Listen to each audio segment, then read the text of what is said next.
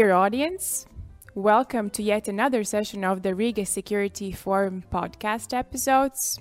Today we will be talking about the topic that seemingly has been on everybody's policy agendas uh, and even in the news in 2020, namely gender equality in democratic societies and in international affairs. The reason why gender has been such an important topic in 2020 is threefold. On the one hand, for once in the European Union, we are once again talking about, talking about the relevance of gender equality and democracy and how it links to the foundational values of the European Union.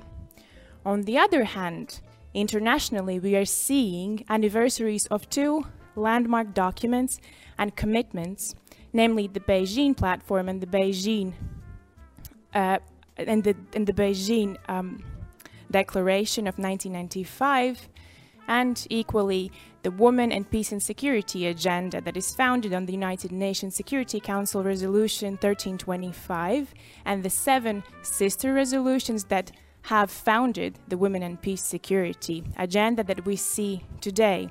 This document is so important because as of 2020, more than 80 countries in the world have committed to this document and to recognizing that it is important to include women in peace processes in order to ensure sustainable peace, and in fact, see it as a precondition of sustainable peace.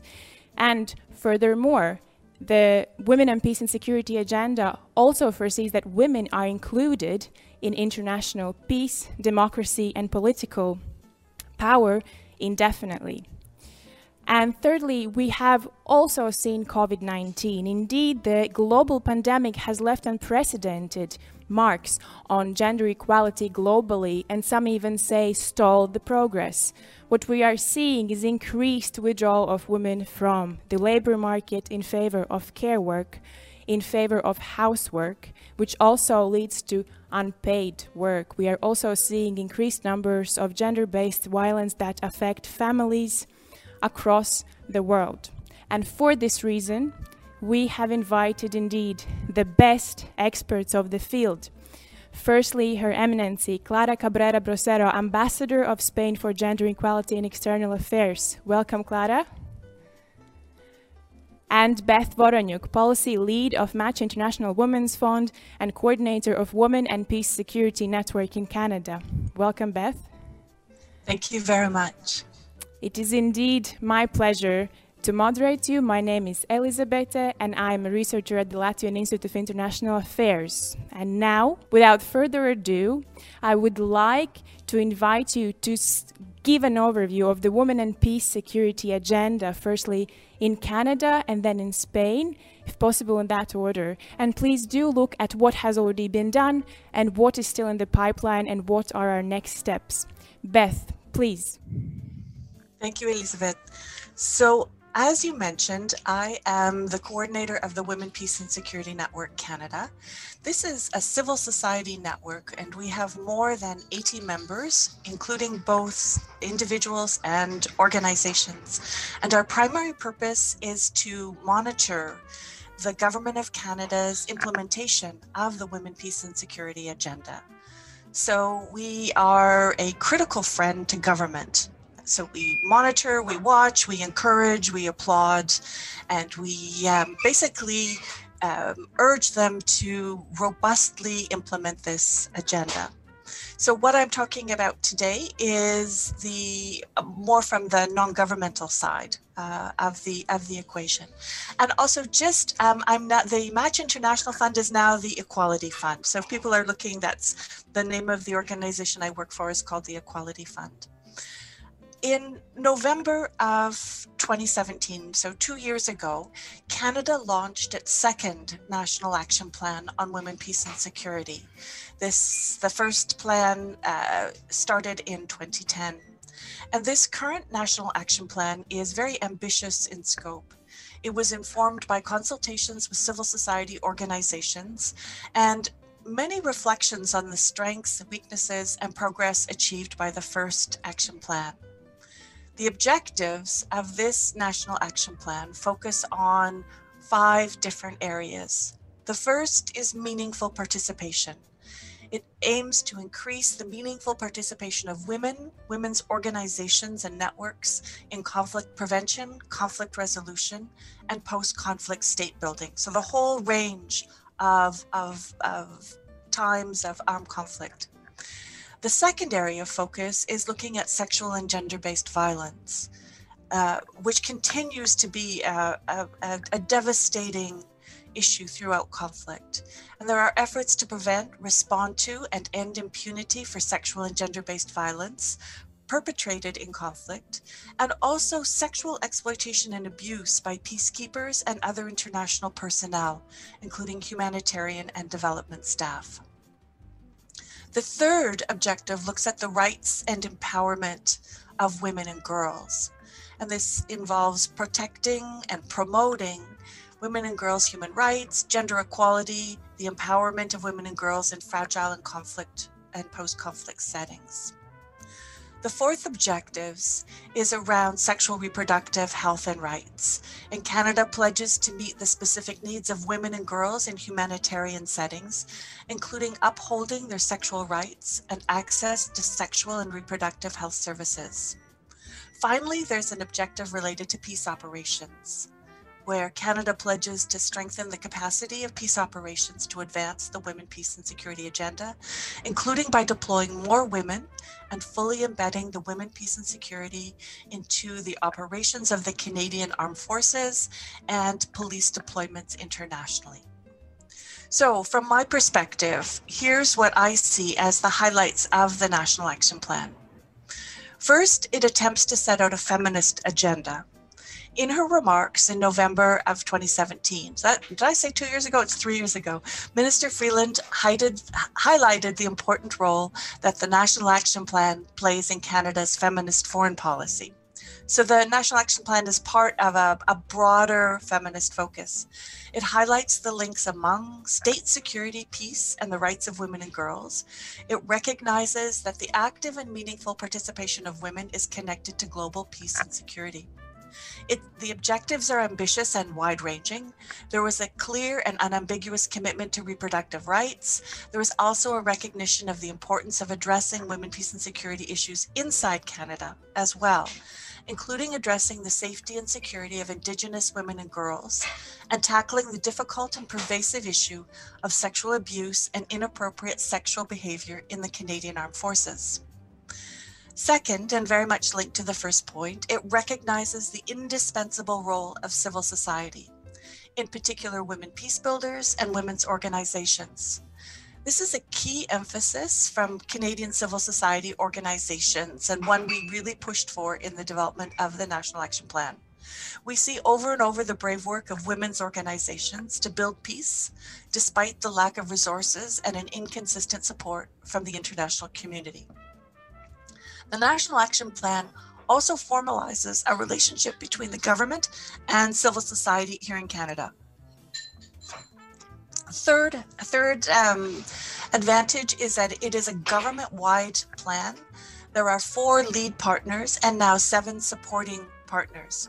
So while Global Affairs Canada, our foreign ministry, plays a lead in coordinating roles, other departments such as public safety, the department responsible for immigration and refugees, the department responsible for uh, gender equality also have commitments and responsibilities under the action plan.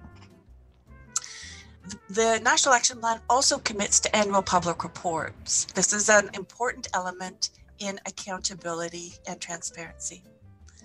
Since the launch of the plan in 2017, there have been several key steps taken by the Canadian government, including the launch of the Elsie Initiative to support women's participation in peace processes, the appointment of Canada's first Women, Peace and Security Ambassador last summer, and commitments to education in fragile contexts, including a focus on women and girls as part of Canada's G7 presidency in 2018. Canada is also co chairing the Women, Peace and Security Focal Points Network with Uruguay this year. Last year, a small allocation was made to fund organizations addressing LGBTIQ issues and rights in fragile contexts. However, I wouldn't be representing a civil society perspective if I didn't also highlight where the National Action Plan could be improved. First, the members of our network have pointed out that there are missing issues. There are questions regarding policy coherence and whether or not women, peace, and security priorities influence broad foreign policy discussions. For example, there were questions when the Government of Canada went through with the sale of armored vehicles to Saudi Arabia. Can a feminist prime minister sanction arms sales to a known human rights violator? They asked. The action plan is also silent on the government's responsibility for oversight on Canadian mining companies and practices that fail to respect the rights of women and girls and contribute to instability in various parts of the world. Second, we still see confusion regarding terms and how they are used. We see gender sensitive, feminist approaches, gender mainstreaming, women, peace, and security approach, gender based analysis plus, gender based responsive, and they're all used interchangeably, but also in different ways. And there is confusion over the concepts uh, among government staff. Third, there is no dedicated budget to the plan. While there is one financial target for spending, by the Global Affairs Canada unit responsible for peace and security programming, there is no costing of the National Action Plan, no new budgets, few new investments.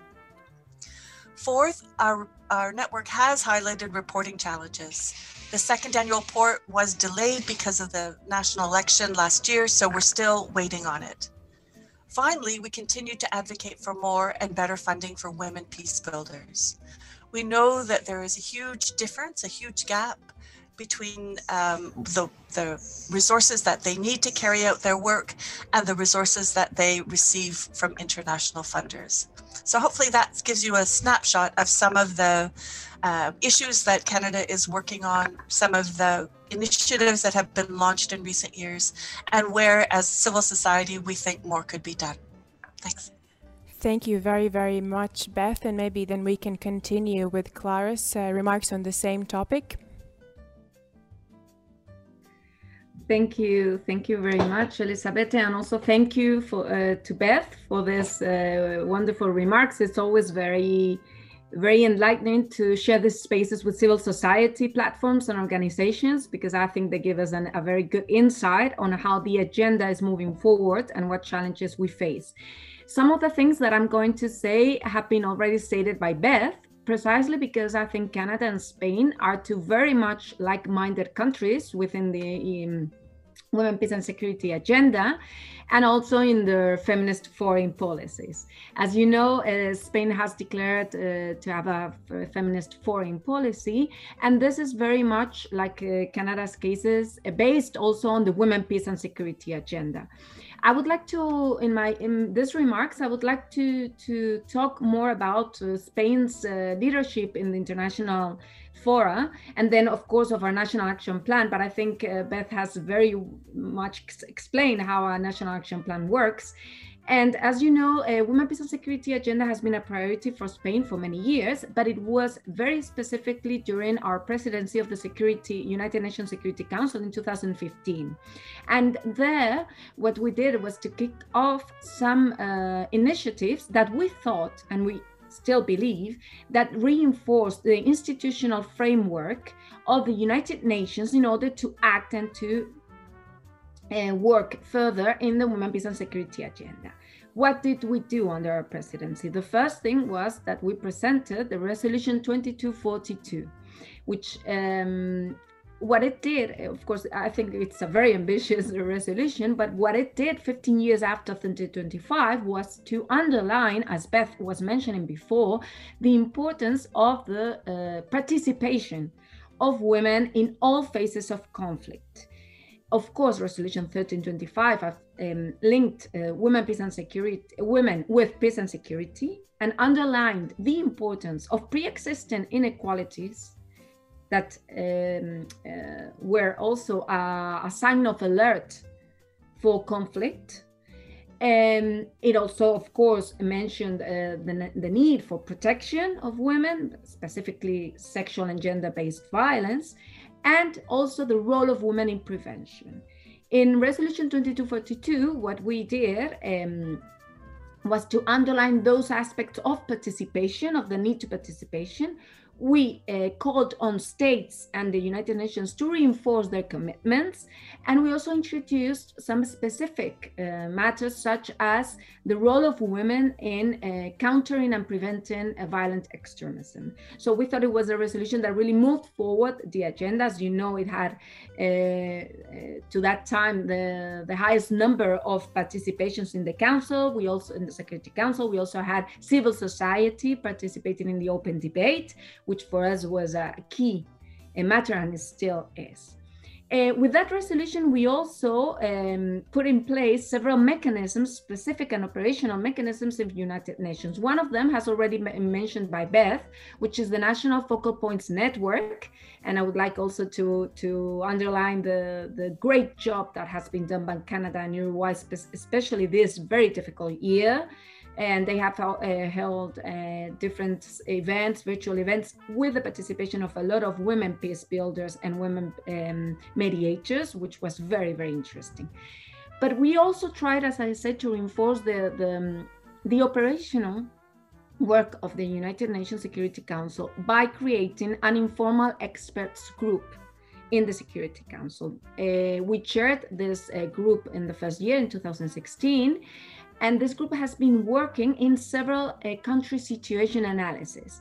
So what it does is that uh, in, of course, uh, well, in tra- the, the council, some members of the Security Council travel to the countries, but also in very close contact with the missions in these countries, it analyzes the specific implementation of the Women, Peace and Security agenda in those countries by the United Nations missions.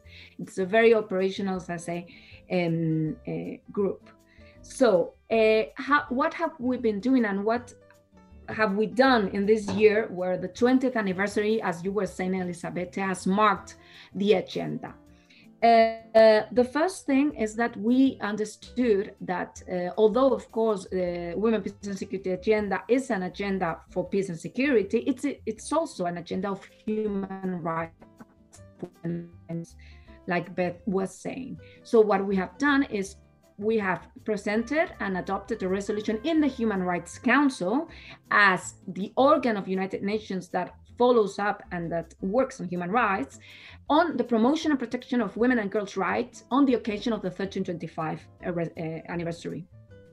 So, in that resolution, it's a very short and operational resolution that engages the Human Rights Council in mainstreaming the Women, Peace, and Security agenda in all it, its works, in the reports, and calls also for uh, the, the members of the Human Rights Council to introduce this agenda, to mainstream this agenda in all their actions in human rights and within the Council. So we think it's a very interesting uh, resolution because, as I say, it reinforces the human rights approach of the agenda, which is a very, very important one.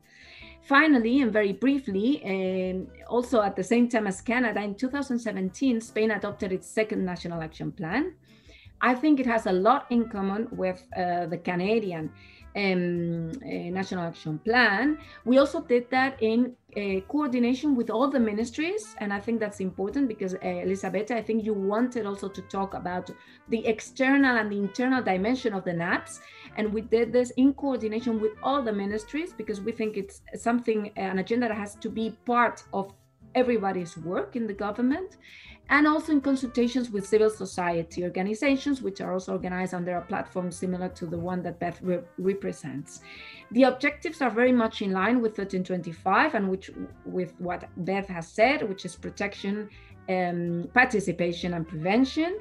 And we also uh, work on the follow up and monitoring reports uh, every two years be, uh, before the parliament. Now we, we do have to present this first report because due to to the difficulties this last year of course uh, this has been a little bit delayed. And we also wanted to introduce in the nap several uh, areas that we think that are of special interest which are trafficking of women and girls, which is very much linked to the Women, Peace and Security agenda, the situation of women and girls, uh, refugee and migrants, women and girls, regarding the Women, Peace and Security agenda, and also the humanitarian context, because we have very strong humanitarian projects that are uh, that are really impacting in the Women, Peace and Security agenda. Um, Finally, as I say, this plan has both internal and external actions that we need to implement in the country and, of course, with uh, uh, every other country that we work with.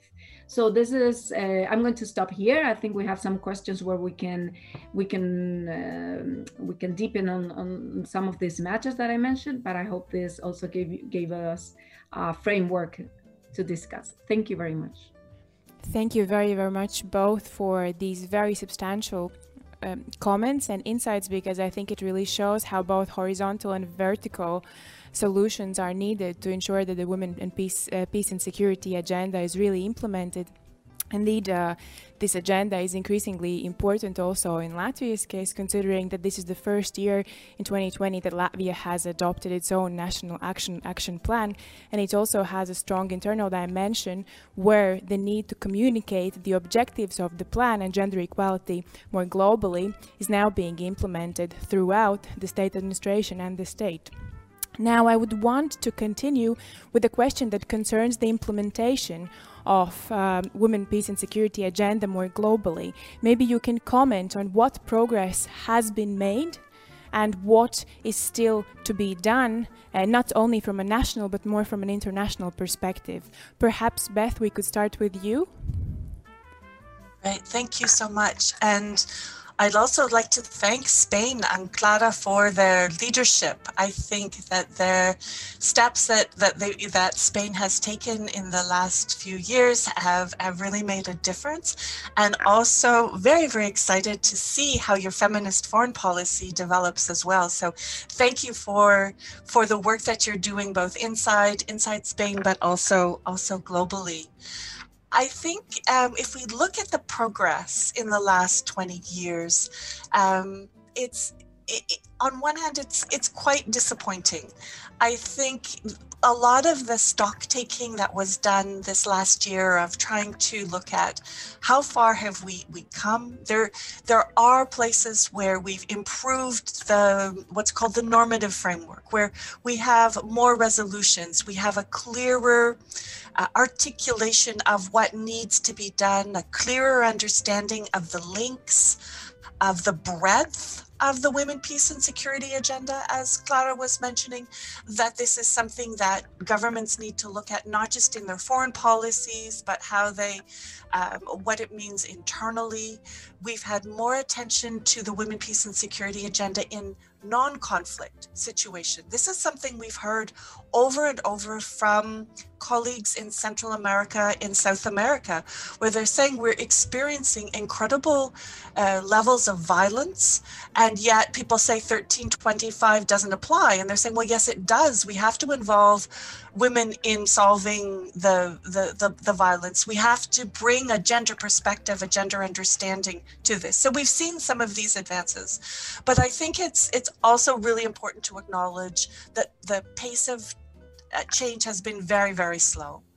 We've heard from women building peace in many countries that nothing is changing, that despite all the nice words, their work is still underfinanced, they're still excluded from negotiations. Um, I was talking to a colleague who is from Yemen and the frustration that they're having to have their voices heard in the official negotiations in this conflict. So there, there is that uh, still ongoing sense of, of frustration. I heard recently one of the authors, um, one of the staff at UN Women who worked on the Secretary General's report on women, peace, and security. And the Secretary General's report for this year is, is a very good report. And she said, We started wanting to write a, a very positive 20th anniversary report, right? This this should be a good year. And she said every piece of data that we looked at made us more and more discouraged, and we ended up not being able to to write a positive report.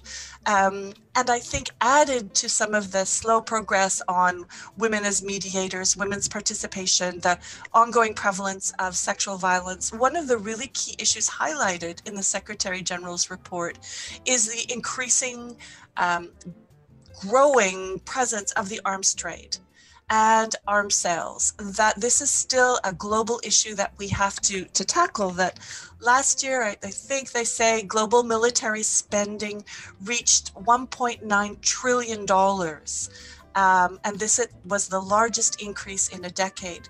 And so there's now growing um, realization that we have to tackle some of the big issues related to global disarmament, not just uh, well, in addition to looking at women's participation in peace processes. Because as long as we continue to have massive investment in arms, as we've seen in the COVID 19 crisis, these do not make us safe.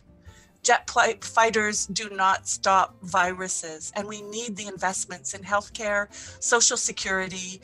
These are the kinds of social infrastructure investments that will actually keep us safe and make us secure in the in the current environment thank you very much beth clara maybe you can share your ideas Yes, thank you very much. Uh, I would like to be a little bit more optimistic, although I completely share Beth's uh, analysis.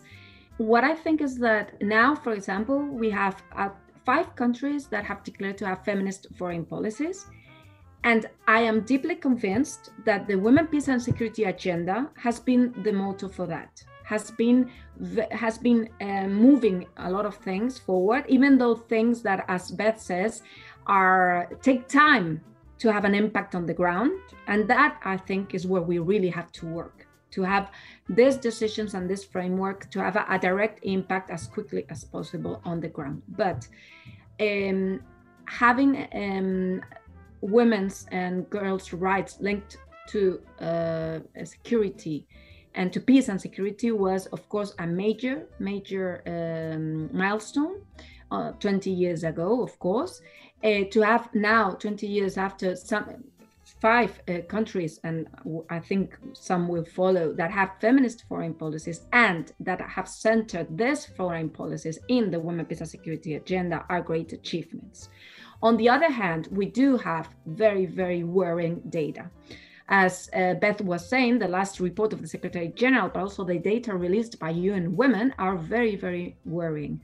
Um, if I'm not mistaken, uh, UN Women uh, said that, uh, or an, their anal- analysis said that only 6% of mediators are women, only 6% of um, negotiators are women, and 18% of the signatories for uh, peace agreements are women. So we're still on a very, very low participation.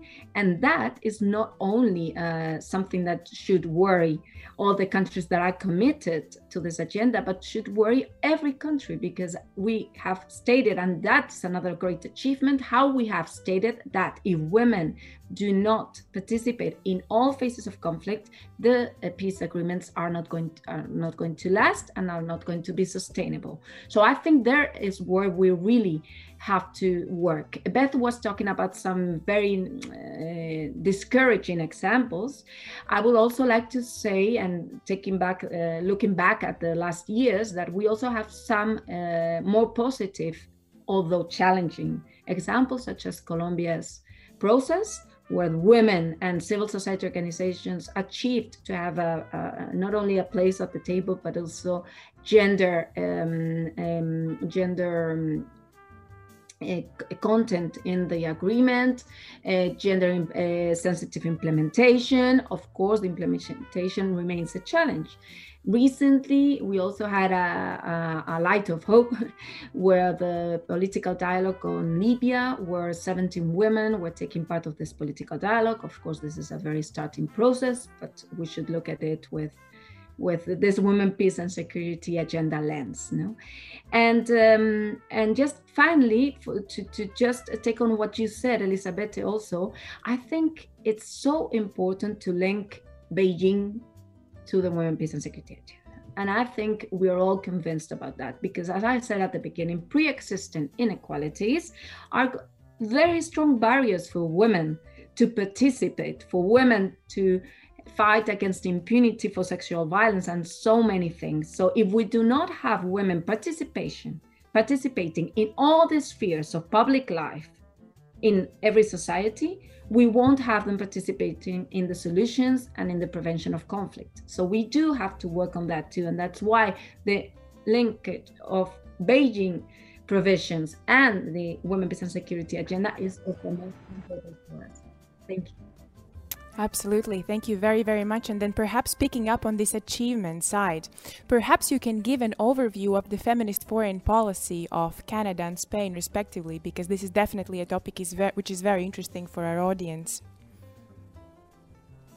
Sort of what are the main tenets and how perhaps it has even changed the foreign policy of Spain and Canada, respectively.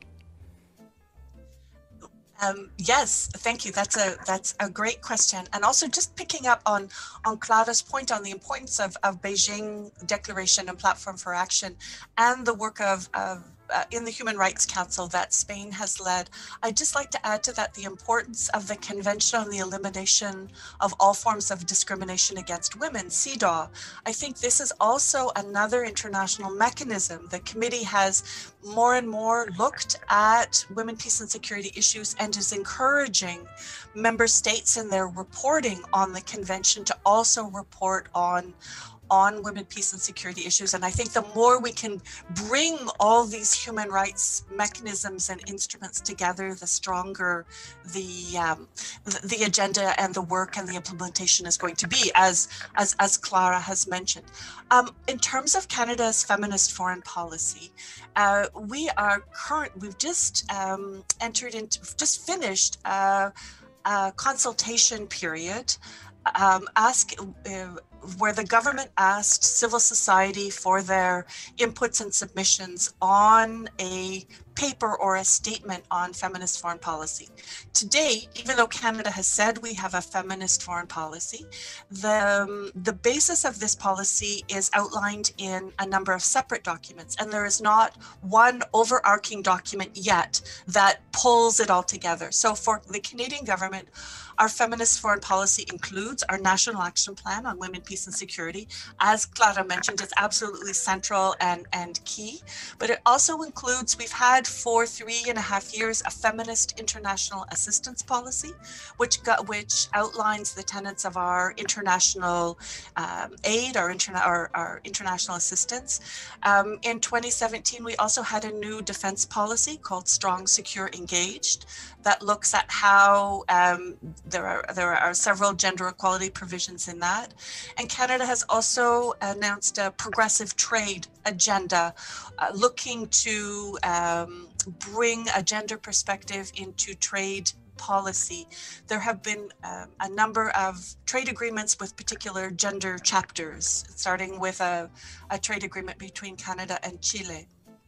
So what as civil society we kept pushing for though. We said but what does it mean when you put all these all these policies together? Or what are the core tenets of the feminist foreign policy? So we the government has said they will now announce this this overview statement or paper uh, in the new year. So we're very um, uh, excited and looking forward to seeing what this means. We've heard some indications, of course, that in addition to these, these policies, there will be some principles, as in human rights based approach.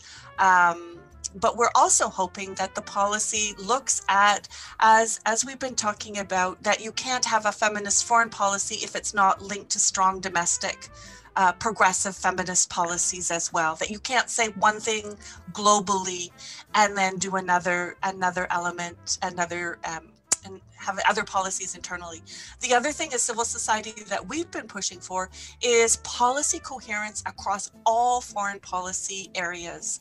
That it's you can't just invest in or have um, one flagship program but not bring a feminist perspective to everything you do. So certainly as i mentioned earlier one of the areas that has been of, of real concern is canada's selling or allowing the sale of armored vehicles to saudi arabia and other arms um, other arms deals. So there's been a lot of discussion on how do you bring this feminist lens or a feminist goal across all of, of foreign policy discussions and, and investments. And we're hoping that this will be one of the elements addressed in the paper that will be released in the new year.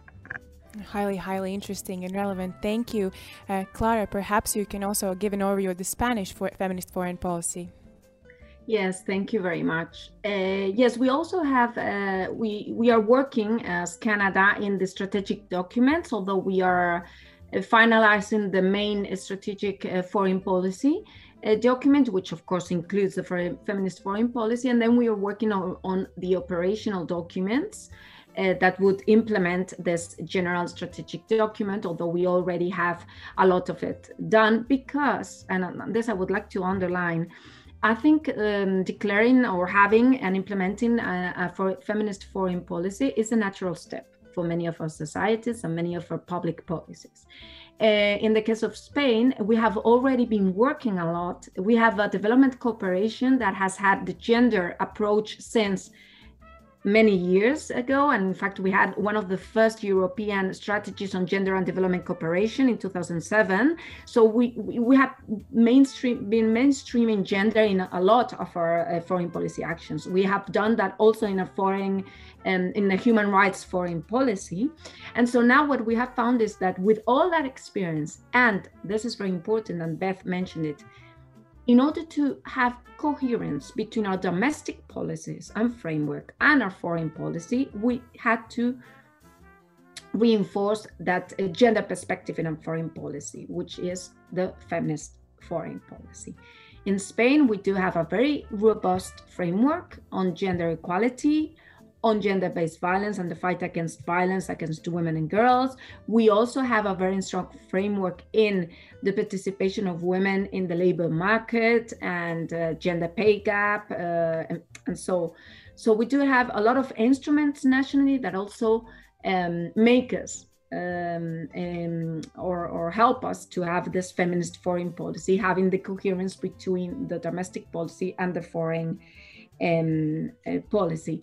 We also agree on the importance to gender mainstream um, in all the actions of the foreign policy and all the lines of the foreign policy. As I said, we do have a very strong mainstreaming in, in, in gender cooperation, in, sorry, in development cooperation and in human rights policy. But of course, there are challenges regarding trade uh, policy, defense policy, and, uh, and economic diplomacy, and many others. So what have we been doing? We have um, we are working in this document, but we already have given us uh, tools, specific tools to mainstream gender in all the instruments of foreign policy, both bilaterally and multilateral. Um, and we have identified some um, themes or some areas where we think that Spain can have an added value and where we think we have to work more uh, or deepen our work. Uh, those lines, for example, are the participation in civilian missions of the European Union. It's, of course, sexual health and reproductive rights. It's of also uh, human rights and, and business, um, business and human rights policies and the plan, as well as trade in within the European Union. So we, what we would like to do is to have a gender mainstreaming in all our instruments of the foreign policy, but also identify uh, some uh, specific uh, areas where we think we have to work uh, further.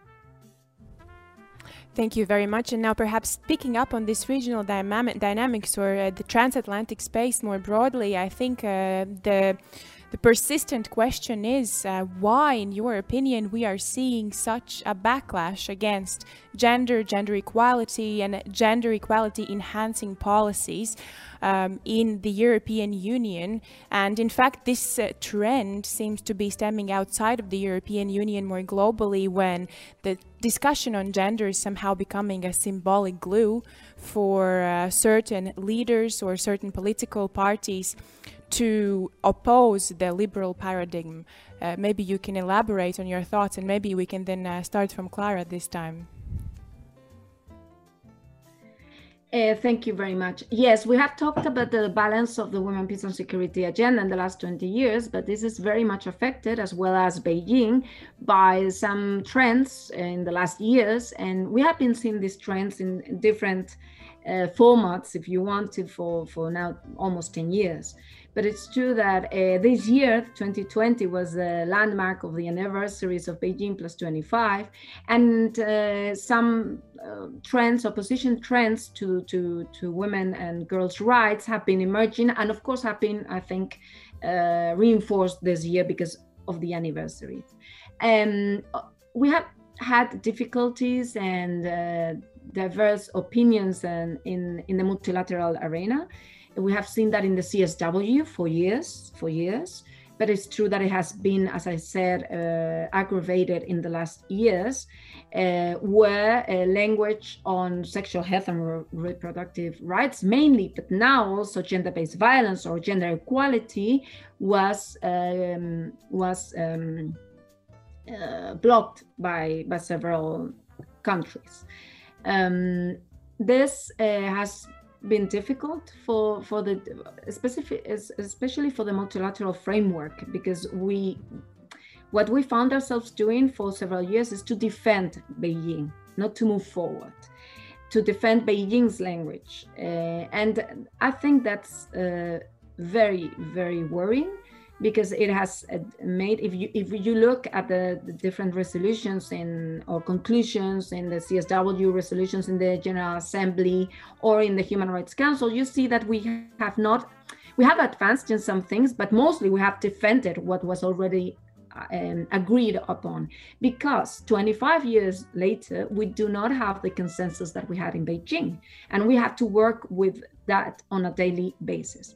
For example, and I would only like to to to to so illustrate this by a, an example. As you know, Spain uh, presented the resolution on women girls in the response to COVID in the General Assembly in the third committee just a month ago, and it was finally adopted and co-sponsored for by more than 80 countries. But as you know, we had to work a lot in negotiating specifically some um, some aspects of the resolution, we didn't want to go backwards. We didn't want a new resolution on girls and women's rights in the COVID 19 to be less than what we had agreed upon in the last years.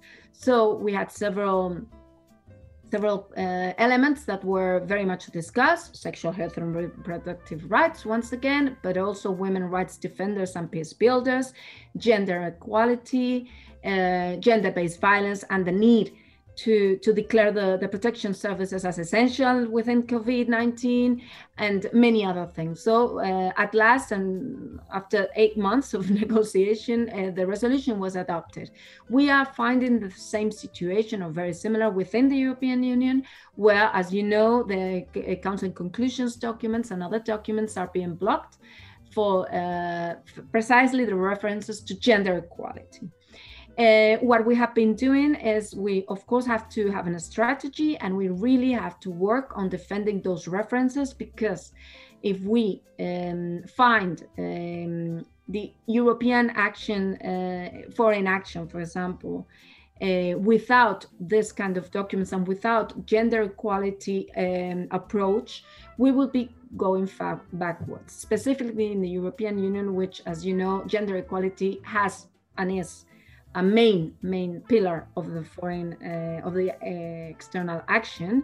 And uh, in this regard and i'm going to finish now i think it's very important that we have adopted the third uh, gender action plan which is a, a very it's a, a, development cooperation document but now it's also a very comprehensive document political document that guides the foreign um, the, the, the external and foreign action of the european union and so uh, well we do have to be to be working together to have robust framework and documents that make that our actions are moving forward on the advancement of women and not backwards. Thank you very much. Beth perhaps a canadian perspective? Well, Clara has done an excellent job of outlining the, the, the, the challenges in multilateral fora that we've been seeing um, over the last few years and increasing. So, what I'd like to do is talk about what we're hearing from um, activists on the ground uh, in different countries. And that's where we're seeing this organized, extremely well funded misinformation campaign um, at even at local levels where you're hearing about city councils wanting to pass motions asking national governments not to use the word gender. We're hearing that this is a uh, anti-family campaign. It's often linked to the discussion around European values. Um, and what is really, really disturbing is that it is not just a European phenomenon. This was the actual, the same I, I, was really, really struck because I heard the same language in Ukraine being used in Colombia around the peace accord. So, as Clara was mentioning, the peace accord had very progressive language on women's rights, on LGBTQ rights, and yet there was mobilization by uh, sectors within Colombia during the referendum on the on the on the um, peace deal that led to the uh, referendum failing because there were people that said this this was going to destroy families this was going to have very negative consequences for life in colombia exactly the same arguments in colombia as we're seeing in in Ukraine. So even some of the same words, the same pamphlets. So this is very well organized and funding. It's not spontaneous, spontaneous, or it's it's being um, well well funded, and we're seeing it happen in in various areas. There's also um, colleagues talking about this in parts of Asia that they're seeing the same kinds of of, uh, of movement. So, where is this coming from? Well, we know that when you have progress on fundamental issues like women's rights, you're going to have a backlash. And so, one of the calls for 2021 is that we have to push back or we have to push back against the backlash that we're going to have to address this as clara was saying in multilateral fora but also in in um, more local local situations. And i think the other part that we have to link it to is to understand the growing economic inequality um, because of the international system that we've had very clear winners and losers in recent trade deals and recent economic restructuring. And we're going to have to figure out how to ensure, and especially now with COVID, that the economic fear and the economic crisis um, is, is eased so that people don't turn to very uh, facile uh, blaming of who is responsible for their loss of status or or positioning in in the economy and society. So I think it's we really will have to think very smart about how this campaign is being organized and how we can coordinate and support the brave activists. When you look at the pictures from Poland, I can't help but but but admire the the women that have been out in the streets day after day, the women in in in, in in Belarus, that we're seeing um, um, pushback against the pushback from activists on the ground. And that's going to be something we're going to have to look at how to support at a global level. Thank you very much. And maybe a quick follow up. So, do you think that COVID might have some long term repercussions on gender equality more globally? Absolutely. We're, we're, we're seeing um, that the impact, we're, we're seeing this incredible um, uh, difference in impact on, on women and men. In Canada, we've seen that women's labor force participation rates have gone back three decades. We've had so many women withdraw from paid employment because they just can't, within their family, manage to look after, uh, homeschool their kids, or or uh, you know have their kids at home and continue to work full time. Uh, and that's just one little example. But I think we have talk in in Canada that we have we instead of a recession, people are calling it a she session. That it is a recession that has fallen a lot on on women, and in order to um, move forward, then we need a she recovery, not uh, just a recovery. So all the uh, recovery plans for COVID really need a, a, strong gender analysis. And I think this is where we've learned a lot from the Women, Peace and Security that this is not a nice add on. This is something that we have to, we need the data, we have to bring it in right from the beginning. We have to understand the unequal impact. And then we have to take that understanding and help it inform whatever policy prescriptions that we have going forward.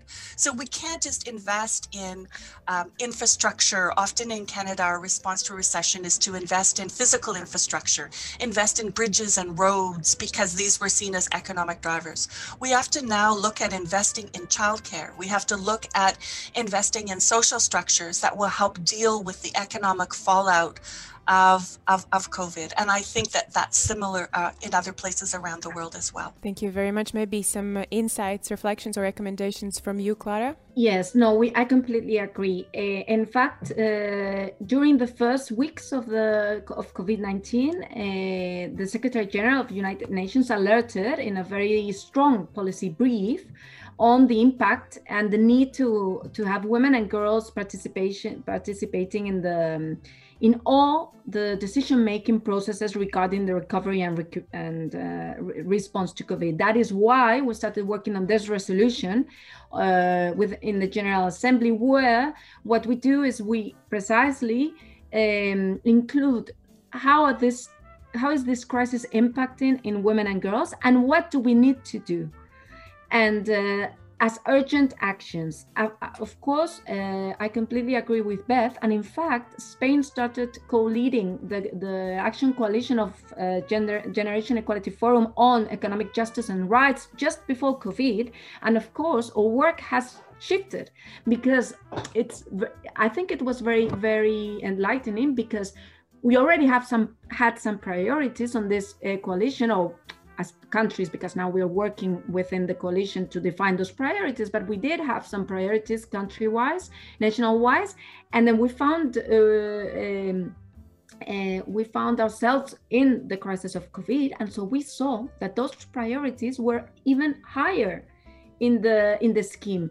For example uh, unpaid care work which is a pri- national priority in spain and it was one of our priorities within the coalition and it has been a priority multilateral uh, in the multilateral forum because what we have seen is that unpaid care work is essential essential in our societies. And this crisis as all crisis has also shown that women and girls are very much behind in opportunities in many areas. And the economic area is one of them. And one of the reasons is because of all the unpaid care work that bird that carry women and girls in many countries, which is also very, very important. As Beth was saying, if we are already worried about the gender pay gap globally, this crisis is going to increase that gender pay gap terribly. I mean, uh, Beth was talking about 10 years ago yeah, maybe we're going to see this gender pay gap as it was 10 years ago. We'll see.